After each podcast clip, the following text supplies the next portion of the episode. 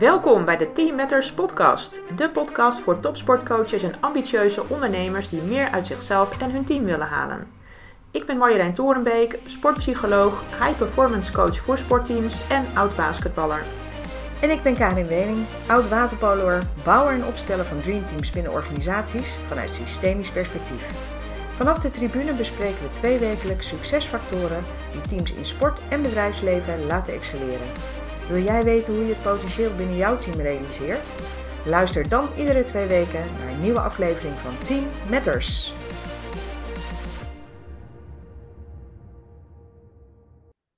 Hey, wat leuk dat je weer luistert naar een nieuwe aflevering van Team Matters. De vorige keer hebben we een handbalwedstrijd in de Benelink beleefd. Daar zijn we volledig in het onderwerp momentum gedoken. Heb je deze gemist? Luister deze dan terug om te ontdekken hoe je meer grip krijgt op momentum in wedstrijden of in jouw onderneming.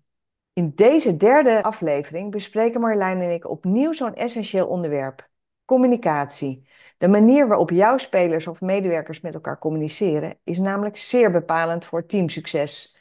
En in de communicatie kan veel goed gaan, maar ook een heleboel mis. Vandaag zitten we op de tribune bij een volleybalwedstrijd in de Eredivisie. We gaan kijken en luisteren naar de communicatie tijdens deze wedstrijd en laten hier opnieuw ons licht op schijnen. Zoals je inmiddels van ons gewend bent, sluipen we af met een tip voor jou als sportcoach of ondernemer. Ga je mee? Hey Karin, nou we mogen weer. Straks gaan we de zaal in, hè? De tweede wedstrijd bekijken samen voor deze podcast. Ja, leuk zeg. Ik heb er weer zin in. En zoals je al hebt kunnen horen, vandaag gaan we speciaal letten op communicatie tijdens de wedstrijd. Misschien een beetje open deur, maar laten we toch even verduidelijken met elkaar wat communicatie nu is. Marlijn, wat kan jij daarover vertellen? Ja, communicatie, dat is het proces waarbij je informatie overdraagt op iemand anders. Uh, en dat kan op verschillende manieren. Denk aan verbaal, dus wat je zegt, met welke woorden, en ook non-verbaal. Uh, en denk daarbij aan de gebaren, je houding, uh, of je oogcontact maakt en ook de toon waarop je iets zegt. Ja, en vooral ook hoe je iets zegt doet ertoe, toch? Om die informatie ook echt voor de ander te kunnen ontvangen. En de setting waarin je iets zegt, in begrijpbare ja. taal. En, en kun je wat meer vertellen over waarom dan communicatie zo belangrijk is binnen teams? In dit geval binnen de sport. Ja, nou ja, communicatie is dus inderdaad heel belangrijk uh, voor een goede samenwerking op het veld. Want uh, daar gaan we het vandaag specifiek over hebben. Uh, want zonder goede communicatie kun je als sportteam nou eenmaal niet goed presteren in wedstrijden. En dat heeft alles te maken met de snelheid, complexiteit en, en ook de onvoorspelbaarheid van het spelletje. En uh, door op het veld met elkaar te communiceren, weet je bijvoorbeeld wat jouw teamgenoot van plan is, uh, waar je de bal het beste heen kan pasen, waar je op, of waar je op moet letten. of dat je iets goed hebt gedaan als iemand dat tegen je zegt, of wat je nog beter kan doen. En met slechte communicatie of weinig communicatie zie je dat de fouten op het veld toenemen. Ja, dus echt die effectieve communicatie is key om succesvol te zijn, hè? Ja. Eigenlijk ook wel in elke relatie, zoals op het werk, in sport of privé. Dan, ja, en die uitwisseling van informatie, vertellen waar je mee bezig bent, elkaar feedback geven. Ja, dit alles maakt dat je dan goed met elkaar bent afgestemd dus. En problemen met elkaar oplost om je doelen te bereiken, zeg maar. Ja, precies. En dus zo kan die samenwerking effectief verlopen. En dat draagt dan op zoveel vlakken bij, hè? Maar ja, in de heat of the moment, hè, zoals in de sport, wordt het effect van goede of minder goede communicatie dan ook wel meteen duidelijk. Ja, het is direct zichtbaar, hè? Ja, dus ken jij dan een, een sprekend voorbeeld uit de sport van, van miscommunicatie? Ja, ik moet dan eigenlijk direct wel denken aan um, een miscommunicatie tussen uh, in een shorttrack wedstrijd bij het WK begin 2023. Hmm. Dat was de halve finale van de relay mannen. Uh, en na een heleboel wisselingen was er toen even onduidelijkheid over een bepaalde aflossing en die mislukte. Uh, ja, en daardoor stranden de mannen in die halve finale in eigen land ook nog eens. Dat was echt een enorme deceptie. Ja, heftig hè? Ja, ja echt een voorbeeld van uh, miscommunicatie met grote gevolgen dus. Het kan dus leiden tot winst of verlies of, of een, een ja, een, echt een kantelpunt dan hè? Ja. Ik ben ook heel benieuwd hoe we dit gaan waarnemen in de wedstrijd die we zo gaan zien. Ja, ik zeker ook. Ja. Bij welke sport zitten we eigenlijk, Marjolein? En waarom hier? Ja, nou we gaan zo kijken bij een volleybalwedstrijd in de eredivisie. En dat is het hoogste niveau in Nederland. En we zitten bij een wedstrijd tussen twee damesteams. En uh, we zitten zo, ja, volgens mij net over de helft van de competitie. Dus de teams hebben allemaal elf wedstrijden gespeeld. Ehm, en de wedstrijd die wij straks gaan bekijken gaat tussen twee teams die uh, allebei in de middenmoot staan op dit moment. En waarom we dit keer voor volleybal hebben gekozen, is omdat het een heel snel dynamisch spel is. Hè? En ondanks dat binnen de teams veel afspraken met elkaar worden gemaakt, is het spel ook weer heel onvoorspelbaar en verandert er voortdurend van alles. En daarin moet je wel veel met elkaar communiceren, anders kan je gewoon wel inpakken. Dus in volleybal staat ook wel bekend hè, om het frequente contact tussen spelmomenten door. Dus daar zijn we natuurlijk ook heel benieuwd naar. Ja, zeker weten. Hé Marlijn, ik ben dan ook nieuwsgierig naar wat er zo bekend is over effectieve communicatie tijdens de sportwedstrijden. Kun je daar meer over vertellen? Jazeker. Ja, er is veel onderzoek gedaan naar communicatie in de sport tijdens wedstrijden. En uh, nou, wat betreft uh, de verbale communicatie, omdat uh, sportwedstrijden vaak op hoog tempo gespeeld worden met veel snelle acties, ehm, ja, moeten spelers ook snel beslissingen kunnen nemen. En de communicatie met elkaar moet daarom ook kort en krachtig zijn en duidelijk, specifiek en vooral ook gericht op het hier en nu. Hè, want hier moet het nu gebeuren. Ja. er is natuurlijk geen tijd voor een uitgebreid gesprek. Uh, tijdens zo'n wedstrijd. Dus dingen doorspreken doe je vooral voor de wedstrijd met elkaar. En nou ja, tot op zekere hoogte misschien ook al tijdens de time-outs. Als ja. daar je dan ook korte, nou, iets langer moment vaak met elkaar. Uh, maar het idee is dus dat je tijdens de wedstrijd voldoende hebt aan die korte en krachtige communicatie. Omdat het meeste daarvoor al is gezegd en afgesproken. Ja, dus het is enerzijds is het ook een structuur. Hè? Wanneer zeg je wat en hoeveel tijd neem je daarvoor? En anderzijds een vaardigheid. Dus het gaat ook soms namelijk in milliseconden dan de, die boodschap in het veld echt uh, uh, over te brengen. Ja, precies. En weet dan maar het juiste te zeggen, hè? want dat is dan nog niet zo gemakkelijk. Ook dat, ja. Ja, want wat je bijvoorbeeld in de sport nog wel eens hoort, is um, meer de algemene kreten als uh, kom op nou, of ja, we moeten beter verdedigen. En dat is weliswaar kort, maar eigenlijk werkt het niet. En dat blijkt ook uit onderzoek, want niemand weet dan eigenlijk precies wat je bedoelt en aan wie dit gericht is. En je zegt eigenlijk iets heel algemeens, hè? Heel algemeen, ja. Dus eigenlijk de, de, de les is ook hoe specifieker, hoe concreter je bent in je communicatie met elkaar. dat geldt voor de spelers onderling, maar ook uh, vanaf de kant. Vanaf de zijlijn, bijvoorbeeld door het geven van een duidelijke aanwijzing of oplossing. Dan wordt het ook gemakkelijker voor de ander om dat precies te doen. Ja, en, en dan ben ik wel benieuwd hoe dat dan gaat. Hè? Heb jij specifiek concreet zo'n zo'n kort voorbeeld? Ja, nou als je dan bijvoorbeeld kijkt naar het volleybal, dan, uh, dan kan je je zo voorstellen dat een aanvallende speler tijdens de aanval, je hebt het inderdaad over milliseconden, wat jij net zei, uh, die roept dingen als bij of center of buiten, zodat de setter weet waar die aanvaller die bal graag wil hebben. Uh, nou ja, dan wordt die setup gegeven. En in de tijd dat die bal door de lucht vliegt, kan die setter inmiddels kijken van, oh, waar ligt het gat? Waar ligt de ruimte? Die kan dat weer roepen. die roept dan bijvoorbeeld lijn of dia. Super zodat die aanvaller weet, waar kan ik die bal naartoe slaan? Dus ja, Dat, dat is zo heel effectieve communicatie uh, in het moment. Ja, het is ook echt wel vakjargon wat ik je nu hoor zeggen, inderdaad. Ja, ja. ja. Dus het is ook wel de afspraken die je met elkaar uh, maakt. Hè? Wat zeg je en uh, in welke termen. Ja. ja. ja. Ja, en hiernaast, uh, dat is ook een open deur, is het belangrijk dat je op een positieve manier met elkaar communiceert. maar dat kan nog best lastig zijn als je vol je emotie zit of als je het gevoel hebt onder druk te staan. En onderzoek laat zien dat wanneer er wordt gecommuniceerd met sarcasme, boosheid of andere negativiteit, of wanneer uh, ja, ze met houding of gebaren laten zien dat ze boos zijn, dat kan een enkele keer wel een positief effect hebben. Hè, dat kan je team dan even zo wakker schudden. Ja, een soort wake-up call, zeg maar. Ja. Maar um, ja, het onderzoek laat ook zien dat wanneer er echt geregeld op een negatieve manier met elkaar wordt gecommuniceerd, dit leidt, af, uh, dit leidt tot een afname van plezier, motivatie, uh, ook teamcohesie wordt minder, uh, een minder positief beeld ook, een slechtere relatie met elkaar. Um, en op het moment zelf brengt het natuurlijk extra stress. Het leidt mhm. af, uh, het kan spelers onzeker maken, het demotiveert. Uh, en wat je ook vaak ziet is dat ze zich dan gaan afsluiten van de communicatie. Dus ze, ze, kijken niet meer naar de kant, omdat ze mm -hmm. bang zijn uh, of verwachten dat er ja, iets komt waar ze toch niet mee geholpen zijn. Uh, en het is dan ook beter, ook als het slecht gaat, om dan toch te proberen rustig en duidelijk en positief met elkaar uh, ja, te blijven praten. Want ja, er gaan toch ook vaak wel kleine dingen goed. En als je dat blijft zien en, blijft benoemen, of laat zien met een high five, de duim omhoog, compliment geven, aanwijzingen geven, gericht op de taak, eh, vertrouwen blijven geven aan elkaar. Eh, dit soort dingen zijn dan juist belangrijk om die spirit en de rust eh, erin te houden in het team. Zowel voor de spelers als voor de coaches. Dus dat is eh, ja, heel belangrijk. Ja, dus houd het vooral constructief, hoor ik je zeggen. En, Ja, en als je het doet, dan mag het eigenlijk alleen maar kort en een enkele keer zijn dat, dat je het echt bewust inzet als een soort van wake-up call. ja, En dan weer door naar het constructieve. Ja. exact. Ja. Nou ja, goed. En dan heb je dus nog het non-verbale gedrag tijdens wedstrijden. En dat is vaak heel erg nodig hè, op het veld, omdat je elkaar bijvoorbeeld niet kan horen.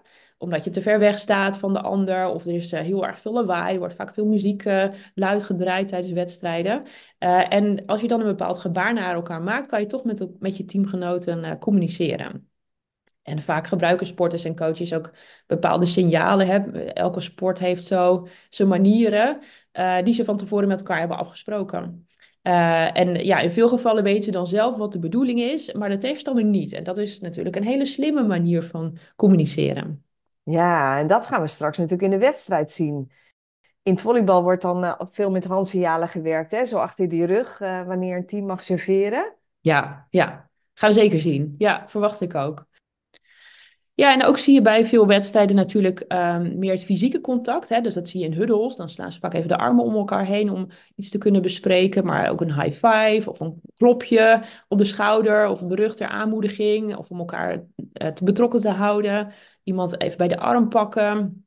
Eh, ook of spelers die tegen elkaar aanspringen hè, bij een Ja, uh, ja, ja. Eh, ook dat is allemaal een non-verbaal gedrag. Ja, dit verwacht ik ook te zien, inderdaad.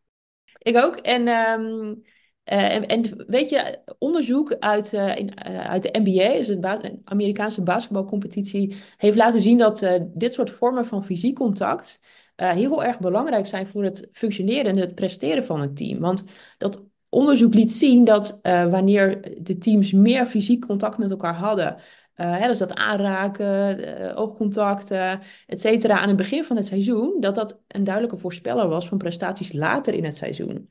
Dus zowel de individuele prestaties als de teamprestaties waren uiteindelijk beter bij de teams, waarin de spelers in de eerste wedstrijden meer fysiek contact met elkaar hadden. echt interessant. Dat Ja, het en al een voorspeller was. Echt ja, ook? En dan kan je natuurlijk zeggen van ja, dat komt natuurlijk omdat die teams waren al beter. Hè, dan heb je ook gemakkelijker contact. Hè, als het Mhm. goed gaat, dan, eh, dan doen we dat ook gemakkelijker. Maar nee, deze uitkomsten die bleven ook overeind. Zelfs na de, ja, de statistische correctie voor de kwaliteiten van de individuele spelers. En ook de teamprestaties aan het begin van het seizoen. Oké, dus Dus echt toe te wijzen aan dat fysieke contact. ja, daar wijst het onderzoek wel op inderdaad. Ja, Ja. bijzonder. Ja, dus dat, dat fysieke contact leidde tot beter samenwerken, eh, meer cohesie tussen de spelers, eh, ja, en uiteindelijk dus betere teamprestaties. En dat heeft dus allemaal te maken met een bepaald hormoon. En dat hormoon heet Ah, oxytocine. het gelukshormoon. Ja, exact. Ja, En, en dit hormoon komt vrij in de hersenen, blijkt, bij fysiek contact, eh, maar ook bij positieve sociale interacties, zoals met elkaar kletsen, samen plezier maken, samen lachen, samen juichen. En het zorgt voor een fijn en prettig ontspannen gevoel. Eh, bijvoorbeeld wanneer je bij- bent bij mensen om wie je geeft. Ja, dus als je echt je thuis voelt in het team en je hebt lol met elkaar, dan komt er allemaal ja, oxytocine vrij in hun eh, breinen. ja, Ehm, super. ja, en dat zorgt voor een gevoel van verbinding, eh, erbij horen, eh, vertrouwen, creativiteit, de bereidheid om samen te werken. Ja, tof hè? Ja, dat is gewoon dat dreamteam gevoel, hè? Ja, ja, Ja, dat gevoel, daar gaat het om. ja, Wa- Wat dit is. Ehm, ja, en je moet je ook voorstellen, want als je een doelpunt scoort, eh, of een punt scoort, is super fijn. En het voelt nog veel beter wanneer je teamgenoten vervolgens eh, op je afkomen rennen en dat met jou komen vieren. Ja, en dat, dat komt dus omdat er bepaalde hormonen dan vrijkomen op zo'n moment. Het is ja, niet zegt alleen die waardering ook, hè? ja, dat ja, ja. Ja, Hè, dus een schouderklopje, een arm om je heen. Eh, dat is ook fijn op het moment als je iets mist, hè, als het iets niet goed gaat. Want oxytocine kalmeert namelijk ook. Het neemt gevoelens van stress weg. ja, dus op het moment dat je even, nou, het even wat minder ging, toch ook van je teamgenoot even een aanmoediging. Hè? Zo van, eh nou, volgende keer beter, zo. Ja, Ja, ja. Dus dat mega werkt interessant echt. stressverlagend blijkt. Ja. Ja, mega.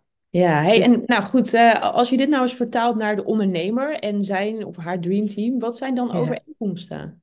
Ja, dat is interessant als je het hebt over fysiek contact binnen organisaties. Natuurlijk in deze tijd waar veel misstanden naar buiten zijn gekomen. Eigenlijk ook wel in de sport, hè? En, maar Mhm. dat is wel het eerste wat het oproept van, ja, zie je ze al in binnen organisatie zo'n eh, tegen elkaar opspringen en eh, een groep huddle. Nou, het kan bij enkele eh, misschien wat zijn, maar eh, het roept natuurlijk ook negatieve associaties op in het kader van grensoverschrijdend gedrag, wat is wel en niet wenselijk, hè? Dus aanraking op de werkvloer blijft ook wel een beetje een taboe. Ehm, en onbesproken vanwege eh, ja, het machtsmisbruik of eh, seksuele intimidatie. En toch toont ook Amerikaans onderzoek aan dat op een, binnen hè, organisaties, dat als je ja, gepaste manier eh, eh, aanraakt, het wel die effectiviteit kan verhogen. Dus neutrale aanrakingen heb ik het dan over, op de schouder of arm. En wat blijkt, als dat korter duurt dan 10 seconden, ja, alsof je gaat tellen, maar even toch de bewustwording, blijken volgens de analyse van 3000 aanrakingen dat acceptabel. Maar wordt het overmatig, hè, die aanraking, dan kan het juist weer negatief worden ervaren, of plakkerig, opdringerig en ja, misschien wel meer. Ja, en die high five, hè, die, eh, die, waar, we, waar jij het ook over had, die is wel geaccepteerd. Ook al kunnen sommige mensen dat wel overdreven vinden. Ja, Ehm, maar we weten, zoals jij ook al aangaf, dat positieve aanraking die, stof, die stoffen, hè, dat gelukshormoon vrijmaakt. En dat geeft vertrouwen ook binnen organisaties. Empathie, verbondenheid, bevordert het, het vermindert stress. Ehm, ja, belangrijk dus voor een wijn- fijne werksfeer en samenwerking. Maar ja, hoe zul je dan afvragen, hè? Van hoe doe je dat dan binnen, dat, eh, binnen je werkveld? Nou, vanuit een systemisch perspectief begrijpen we eh, dat we allemaal onze unieke ervaringen en achtergronden hebben. Ook gevormd door ons eh, familiesysteem en nou, die persoonlijke ervaringen. En dat gevoel bij fysiek contact wordt daardoor beïnvloed. Dus ja, je weet het soms ook niet natuurlijk in, eh, hè, of er bij iemand een grensoverschrijdend gedrag ervaring is in welke vorm dan ook. Hè? Dus dan kunnen die grenzen ook heel anders liggen dan diegene die die ervaring niet heeft. Dus het bewustzijn van systemische invloeden en weten wat voor wie werkt, leidt eh, in dit geval, of in ieder geval eigenlijk, tot een respectvolle cultuur waarin iedereen zich dan gehoord en gerespecteerd voelt. En wat de teamdynamiek en samenwerking weer ten goede komt. Dus ja, ja. het is een beetje ja, met elkaar aftasten, om het zo maar te zeggen. En een onderwerp wat mij betreft vraagt om verdere bewustwording en een beweging van, van mij mag je naar, van ingewikkeld naar ontwikkeld eh, eh, worden gemaakt. Mooi, maar gezegd. En er zijn gelukkig nog andere vormen, hè, waar we het ook in de sport zagen, van communicatie, gesproken of ongesproken woorden, eh non-verbaal, ook lichaamstaal en gezichtsuitdrukkingen. Ja, en die effectieve communicatie is uiteraard ook binnen het bedrijfsleven en teams essentieel eh, voor het overbrengen van ideeën, het oplossen van problemen, het nemen van beslissingen, opbouw van relaties. Ja, dus een cruciale eh, succesfactor in het bereiken van gezamenlijke doelen en het behouden van een gezonde bedrijfscultuur. Ja, het draait vaak om het maken ook hè, en nakomen van heldere en concrete afspraken. Net zoals jij eh, al zei, hè, met, met die korte woorden en zo. Ehm, dus hoe communice- communiceer je met elkaar? Wat is voor ons effectief? En hoe organi- organiseren we dit met, met elkaar? Ja, dat kan binnen organisaties soms wel een uitdaging zijn, hè? In de dagelijkse hectiek en de klantgerichtheid, die nemen vaak de overhand dan. Ja, want wat gebeurt er dan bijvoorbeeld door de waan van de dag? Hoe kan de communicatie binnen een team of tussen teamleider en team daaronder leiden? Ja, wa- wat jij ook aangaf, hè, eh, dan kan de communicatie onder druk komen te staan, waardoor je eerder geklaag, gesteun hoort. En eh, ja, soms lopen mensen letterlijk weg van een situatie. Ehm, ja, zo kunnen ze ook anderen aansteken, hè, en ontstaat er zo'n negatieve sfeer die gewoon niet bevorderlijk is voor de kwaliteit van het werk en ehm, de prettige werksfeer.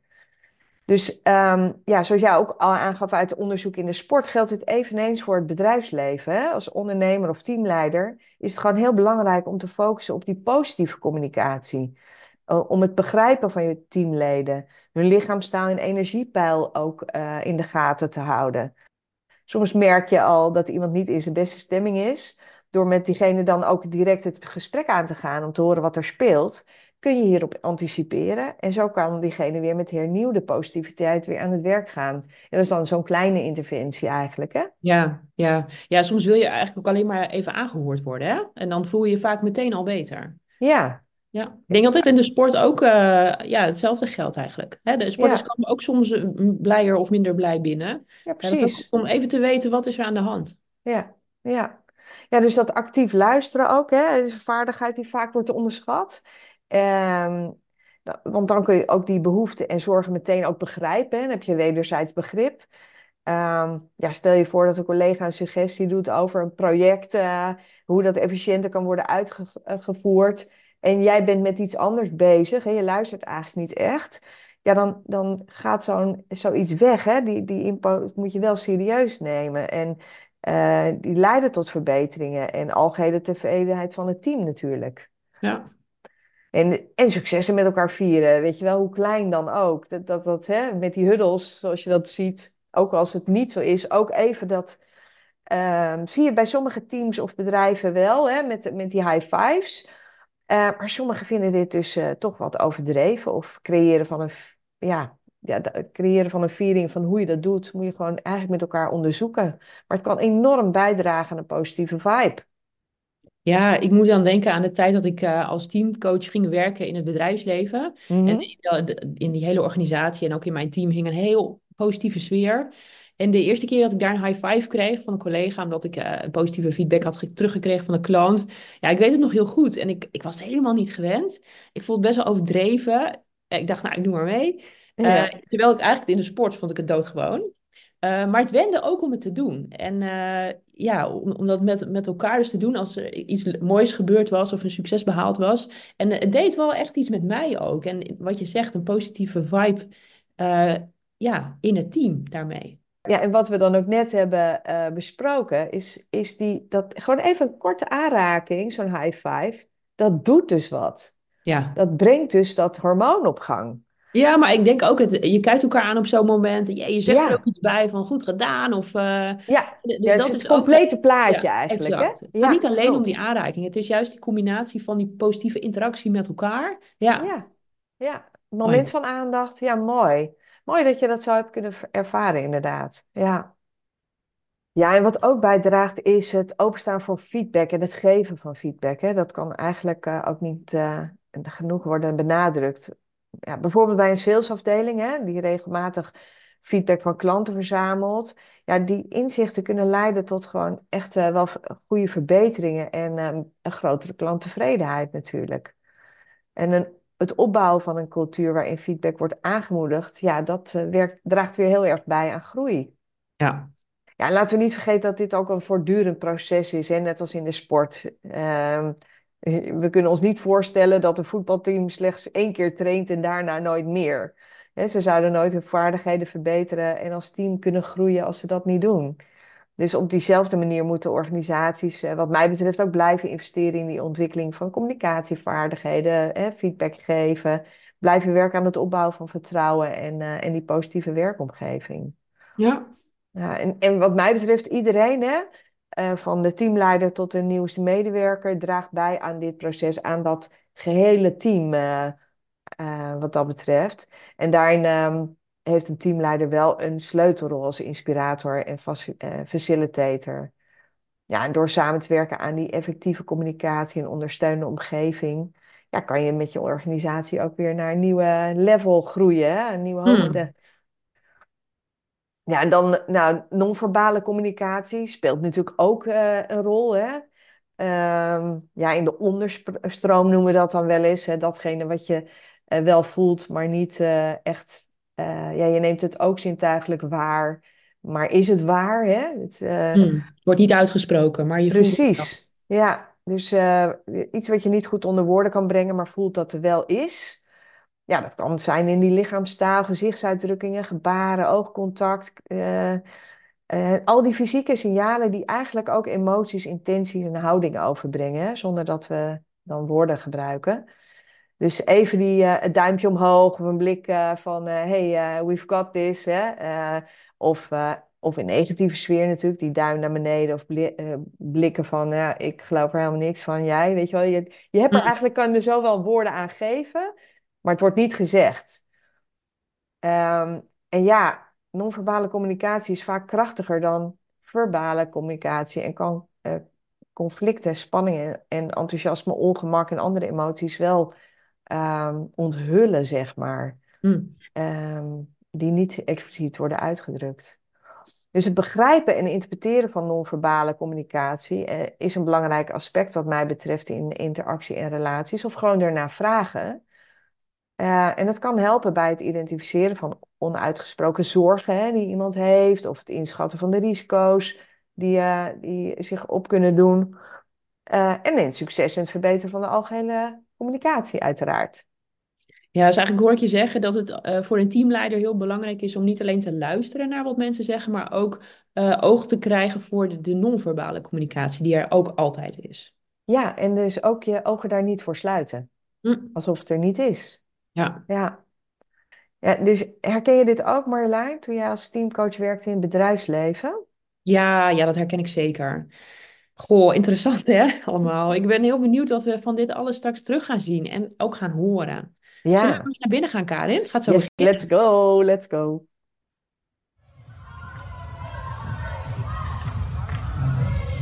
Ja, we bevinden ons in de tweede set, wordt geserveerd en eh super spannend ook. Ja, mooie pot. Ja, maar val mij op, je hoort het denk ik ook. ehm, korte kreten, hè? De bal is in de lucht. Ze roepen heel snel één lettergreep en het ziet er super effectief uit allemaal. Beide kanten. En gescoord en meteen de huddle. Voor het Ja. ene team iets uitbundiger dan de andere. Ja, en dan valt het me op dat het ene team elkaar daarna ook nog weer opzoekt. één op één. Dus eh, uit elkaar weer naar de huddle. Ja, en nog even weer één op één. En het andere team staat eigenlijk gewoon te wachten. Doet niet zoveel meer.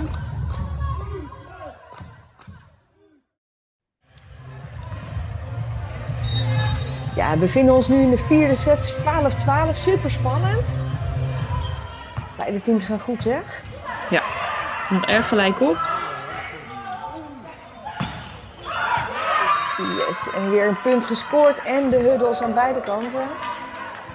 Oh ja, wat ik zo mooi vind, ook nu weer gebeurt het, er komt een wissel in. En dat is geen vluchtige wissel. Ze pakken elkaar echt even vast, echt contact en dan pas weer het veld in. Dat zie ik niet vaker. Ja, super. En meteen ook positiespel, meteen ook die handsignalen en go.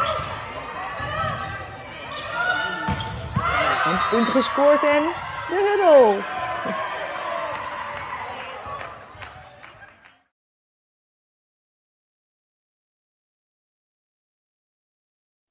Nou, Karin, wat een prachtige wedstrijd hebben wij gezien. De teams waren echt enorm aan elkaar gewaagd en het was spannend tot diep in de vijfde set. Wat is jou zo al opgevallen? ja, het was echt bijzonder. Hè? Vanaf het begin viel de enorme energie van de thuisspelende partij op. Hè? Ze straalden ontspanning en lol uit. Echt dat je dacht, dat, het bleef ook maar doorgaan. Hè? Ja, En eh, de reservespeelsters ook hè, aan de zijlijn stonden continu hun teamleden luidkeels aan te moedigen. Er zat enorm veel sfeer in en ja, een enorme mooie positieve interactie met elkaar. eh, als, ja, hoe ze achter elkaar stonden, met elkaar. Ehm, zo een geloof dat ze uitstraalden van, eh, nou, we kunnen dit gewoon winnen of we gaan dit winnen. Of hoe je dat dan interpreteert, hè? ja, ook op de momenten waarop het dus niet zo lekker ging, hè? Bleven ze Exact. Ze bleven gaan in de, hè, ook in de eh, pauzes, eh, de reservespeelsters. Het bleef, het bleef op een high eh, energy level met veel positivisme. Ja, En, eh, ja, de tegenpartij was wat minder duidelijk te horen. Hè. Deden zeker ook wel aan de zijlijn met, eh, ehm, zeg maar in het veld in de zijland mee. Maar in de eerste instantie waren ze daardoor gewoon wat minder opvallend. Of juist de anderen heel opvallend, hè. ja, Ehm, ze hadden ook zeker momenten van positieve huddle, eh, huddles, hè? Eh, en krachtige non-verbale juichmomenten van arm in de lucht of een, eh, even zo'n eh, yes. Ehm, maar gewoon, ja, er was toch wel duidelijk verschil. En kijkend naar de coach van de thuispartij, die stond ook echt actief naast het veld, gaf veel aanwijzingen. En ook de andere coach stond eveneens hè, actief naast het veld. Die had wat meer rustige uitstraling. Ja, en in welke mate dit dan bijdraagt, dat, dat kan je dan niet goed waarnemen. Het is gewoon waarnemen van dat je dat ziet hoe ze het doen. En dat kan natuurlijk ook uh, zeker gewoon een persoonlijkheid uh, iets zijn, hè, van hoe iemand is. En ook wat het team natuurlijk nodig heeft, wat, waar ze bij gebaat zijn. maar beide coaches waren zeker betrokken en actief te noemen. Ja. En, uh, ja, we zagen natuurlijk ook, uh, waar we al eerder zeiden, van dan gaan we vast zien de, bekende handgebaren achter de rug, uh, hè, welk systeem ze wilden spelen. En uh, ja, ja, er was echt heel veel. En ik vond met name opvallend die high energy inderdaad. En dat continue positieve wat aanwezig was. Alsof ze ook ja. het momentum daarmee creëerden, hè? Even ja. terugkomend op onze vorige. Ja. ja. Hey Marjolein, wat, jou, wat is jou allemaal opgevallen? Um, nou ja, ik heb uh, gelet op uh, ja, de communicatie uh, in het moment, op, het, op het veld. Ja. Um, nou, ik hoorde inderdaad wat, ik al, wat we al hadden eerder gezegd, hè, van veel korte aanwijzingen. Um, ja, en, en dat gebeurde echt heel aan de lopende band. Beide teams deden dat. En ja, je zag ook dat de aanval in ja, veruit de meeste gevallen super gecoördineerd verliep. Hè? Dus ze leken gewoon heel duidelijk te weten welk, waar komt de bal, waar moet hij heen, wat, wat moet ik doen, wat wordt er van mij verwacht. Ja, soms even een kleine miscommunicatie, maar uh, nou, over het algemeen uh, was dat wat ik heel duidelijk terugzag. Um, ja, en verder, zoals we al verwachten, uh, hebben we heel veel huddles gezien. Dat is natuurlijk heel bekend uit het volleybal, heel gebruikelijk. Ja. na ieder punt, gewonnen of verloren, kwamen ze bij elkaar, de armen om elkaar heen. Um, en ja, ofwel om het punt dan luidkeels met elkaar te vieren. Um, want het is nooit stil uh, bij de volleybal, nee. of uh, als het punt dus niet uh, voor hen was om dan kort even iets tegen elkaar te zeggen. Dan viel het me op dat er vaak één persoon was, één speelster die wat zei. Nou, dan zag je dat die communicatie heel kort was, korte zinnetjes. En dan zag je even een knikje bij de rest. En dan gingen ze ook weer uit elkaar, gingen ze weer door. Ja, een soort ritueel is het dan eigenlijk ook bijna, hè? Ja, maar, en toch had ik wel het idee dat er echt nog iets inhoudelijks werd gezegd. Ja.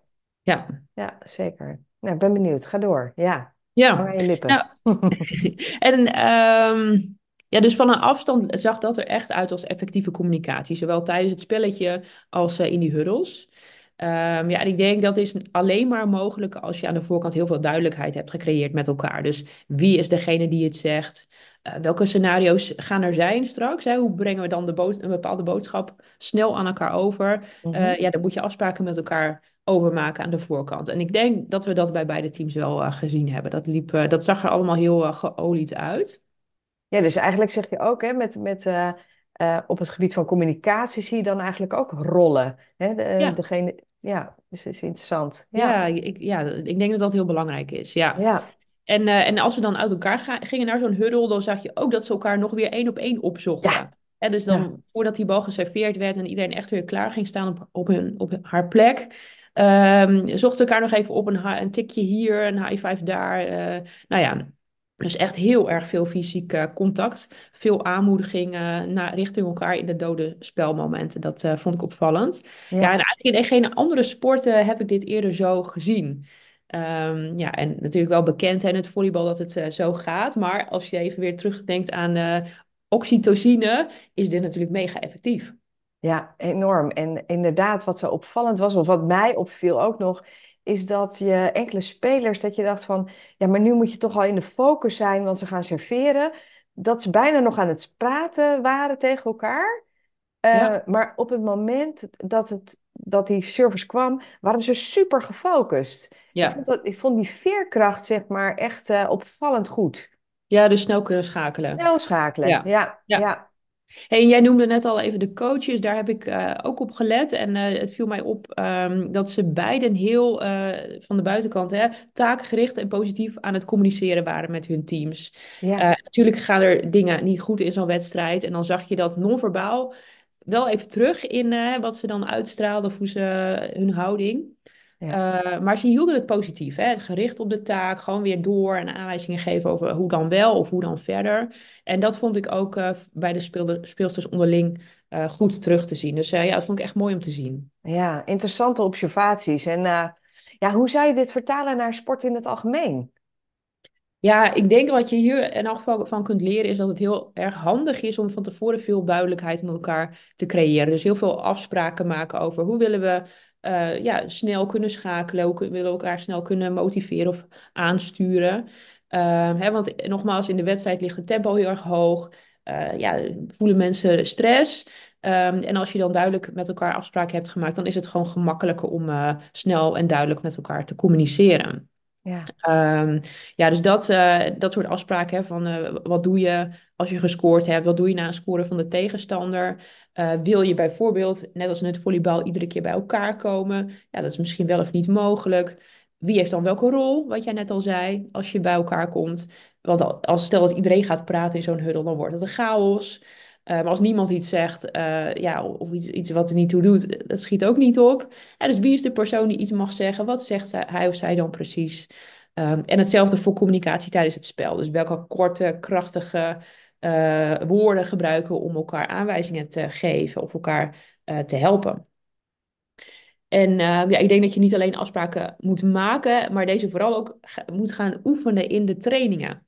Um, ja, en, en natuurlijk is het ook handig om dan na afloop van zo'n wedstrijd even met elkaar te evalueren. van hey, hoe, hoe, ging dat nou, die communicatie? Dus kijk niet alleen naar hoe hebben we gespeeld, maar ook hoe hebben we met elkaar gecommuniceerd. En uh, ja, want dat is ook iets wat je met elkaar moet leren. Ja, op elkaar ingespeeld raken. En wat werkt voor de ene en wat voor de ander, hè? Ja. Exact, ja. ja. Nou ja, en verder denk ik dat het ook uh, goed is om eens na te gaan hoeveel positieve interacties zijn er in jouw team. Hè? Dus als je als coach eens wedstrijdbeelden bekijkt, uh, en dan bedoel ik de, de interacties die de oxytocine vrij kunnen maken in jouw team. Want soms zie ik dat er heel weinig interactie is, weinig plezier. Uh, en ja, eigenlijk laat je dan met elkaar wel wat kansen liggen. Dus het gaat niet alleen om aanraken, hè, nogmaals, maar ook om lachen, samen juichen. Een duimpje of even iets opbeurends zeggen. Bewegen, ze waren hier ook uh, dansjes aan het doen. En, ja. ja, precies. Hè? Dus kijk eens op die manier naar je team en doen jullie dat dan eigenlijk genoeg? En natuurlijk hoef je het niet te overdrijven. Het moet passen bij jouw team, uh, bij, de, bij de sport. Uh, maar ik denk dat er in sommige sporten nog best wel wat winst te behalen valt. En ik denk ook als je terugdenkt aan die aflevering over momentum, uh, zorg ervoor dat die positieve interacties er ook zijn op de momenten waarop het niet zo lekker gaat.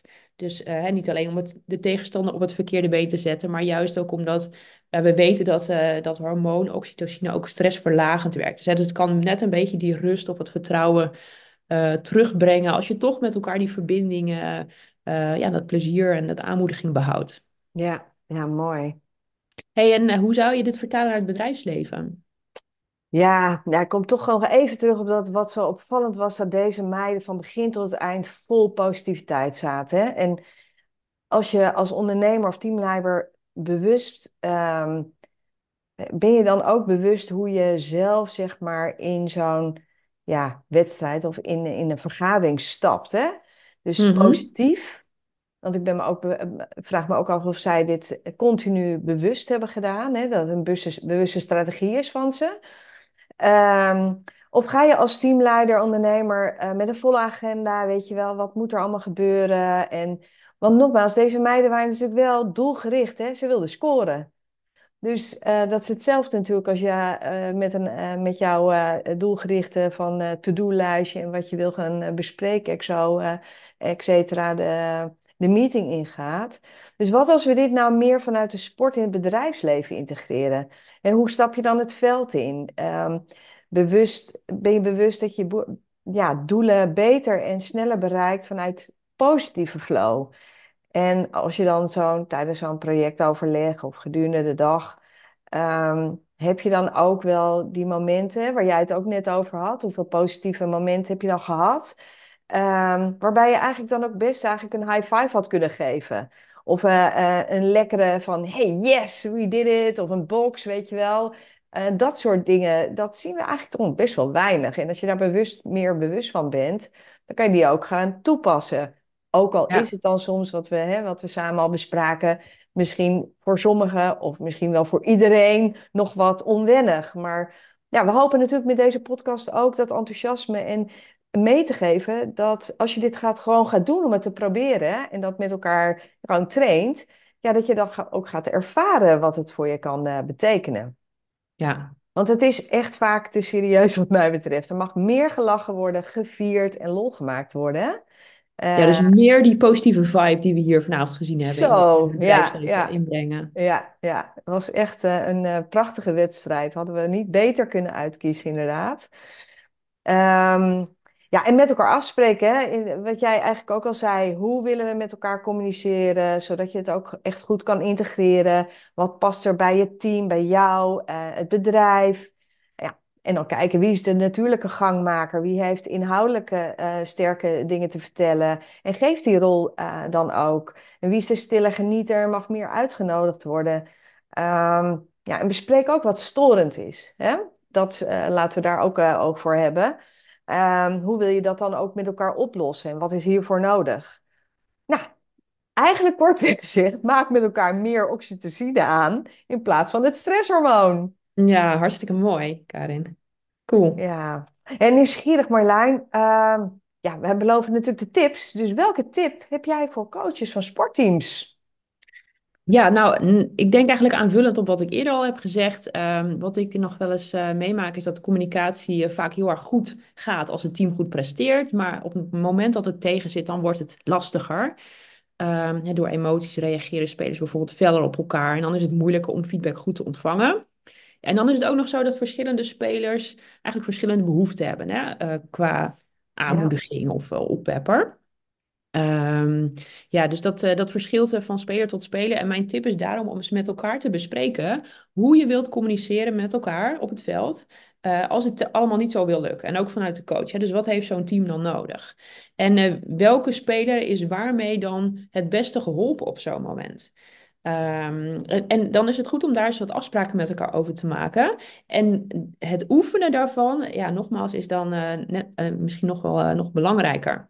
Dus ehm, hè, als je weet van, nou, eh Marjolein die heeft het nodig als ze niet lekker speelt, eh, juist even dat knitje of die aanmoediging van, yes, eh, het, het gaat wel goed, hè, de volgende bal eh, gaat wel raak.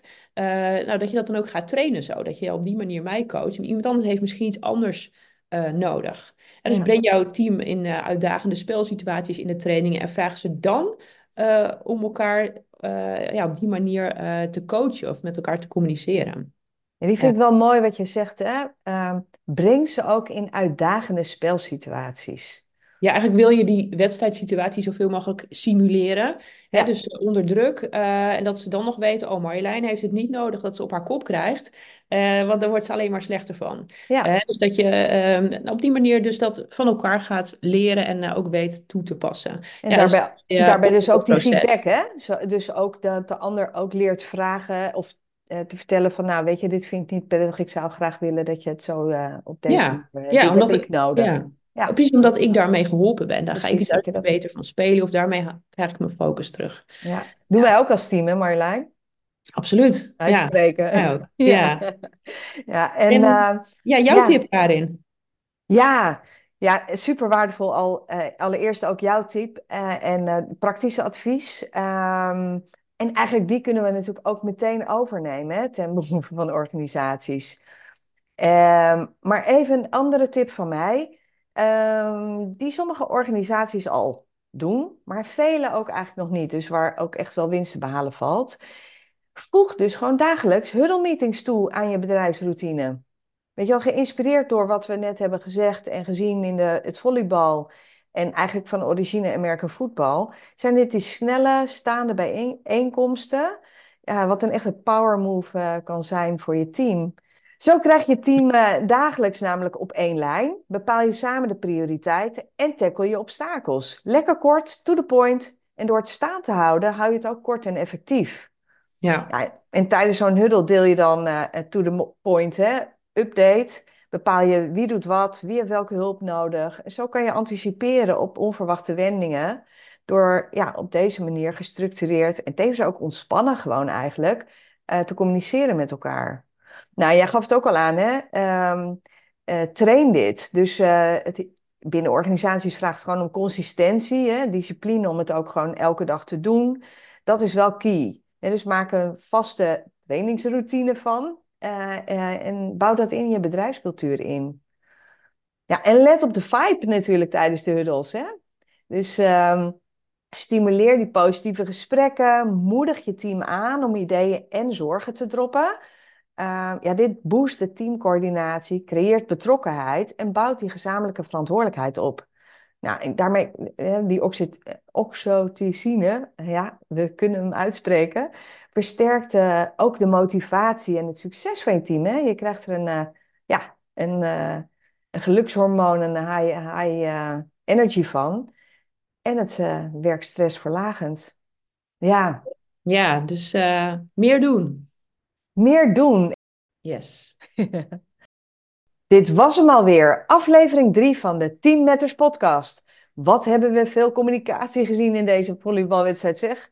Prachtige voorbeelden van met name effectieve communicatie van zowel spelers als coaches. En opvallend was hoe de positieve communicatie gedurende echt de hele wedstrijd op peil bleef. En hoe dit leidde tot effectief en energiek spel. Ook toen ze onder druk kwamen te staan. En de kracht van elkaar aanmoedigen. Super inspirerend voor andere teams in sport en ondernemingen. Ook hebben we weer een tip gegeven aan jullie sportcoach en ondernemer. We zijn benieuwd met welke tip jij aan de slag gaat en wat hiervan het effect is op jouw team. We zien je graag terug in aflevering 4. Hier zitten we op de tribune van een waterpolenwedstrijd van het Nederlands damesteam, waar we gaan kijken naar leiderschap. Welke vormen van leiderschap gaan we zien bij spelers en coaches?